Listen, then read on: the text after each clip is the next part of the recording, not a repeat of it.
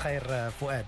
صباح الخير صديقي محمد. مرحبا بك وبالمستمعين الكرام. الوجهة الأولى ستكون منافسات البطولة المغربية الاحترافية واستئناف المباريات. أمس لقاء مؤجل عن الجولة التاسعة عشر خلال فريق الوداد البيضاوي. اكتفى باقتناص نقطة التعادل أمام فريق المولودية الوجدية بل إن الوداد محظوظ بهذه النقطة التي انتزعها في الأنفاس الأخيرة بوسط مدافعه الشيخ كمرة بعدما كان الفريق الوجدي الأفضل خلال هذه المواجهة. كان سباق لتسجيل في الدقيقة الخامسة والأربعين من المباراة بوسط نوح وائل السعداوي وبعد ذلك أضاف هدفا ثانيا رفضه الحكم المباراة. قبل أن يتمكن الوداد من تسجيل هدف التعادل بوسط الشيخ كمرة في الدقيقة السابعة والثمانين. الوداد حافظ بفضل التعادل على مركزه في الصدارة بفارق نقطتين عن مولودية وجدة الذي التحق بالفتح الرباطي في الرتبة الثانية. في الجزائر الأنظار تتجه نهار اليوم إلى هذا الاجتماع الطارئ للمكتب التنفيذي للجامعة الجزائرية لكرة القدم والمخصص لدراسة نتائج الاستشارة الكتابية التي اعتمدها المكتب التنفيذي للفصل في مصير الموسم الكروي الحالي المعلق منذ السادس عشر من مارس الماضي بسبب تفشي جائحة كورونا فيروس.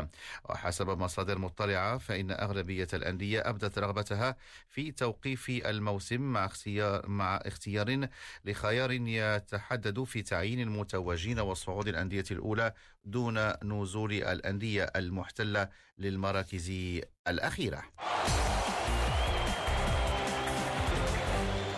كرة القدم الأوروبية نبدأها من إسبانيا حيث غاب لاعب وسط البرازيلي أرثور ميلو عن استئناف تدريب ناديه برشلونة بالأمس وأشار مصدر في الفريق الكتالوني بأن اللاعب لم ينضم إلى التشكيلة كما كان متوقعا من الفريق.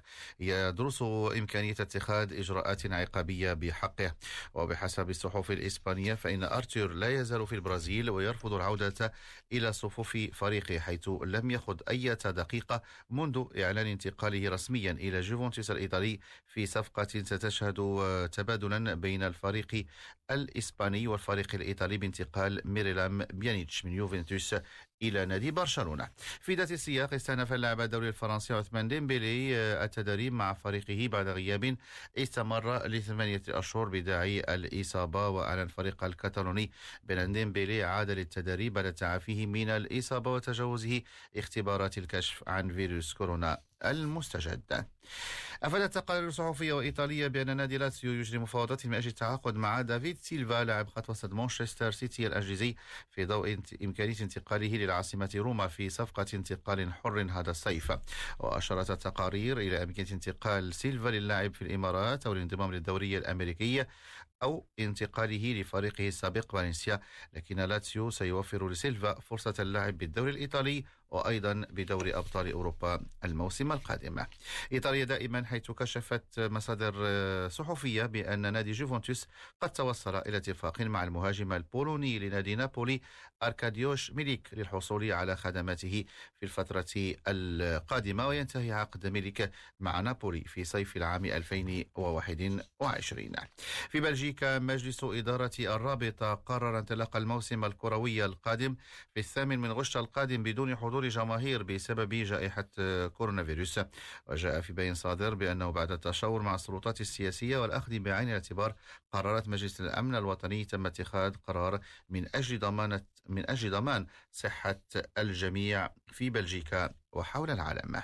في إنجلترا المدير التقني لنادي ليفربول الألماني يورجن كلوب وعندما تم اختياره كأحسن مدرب في الدوري الإنجليزي هذا الموسم.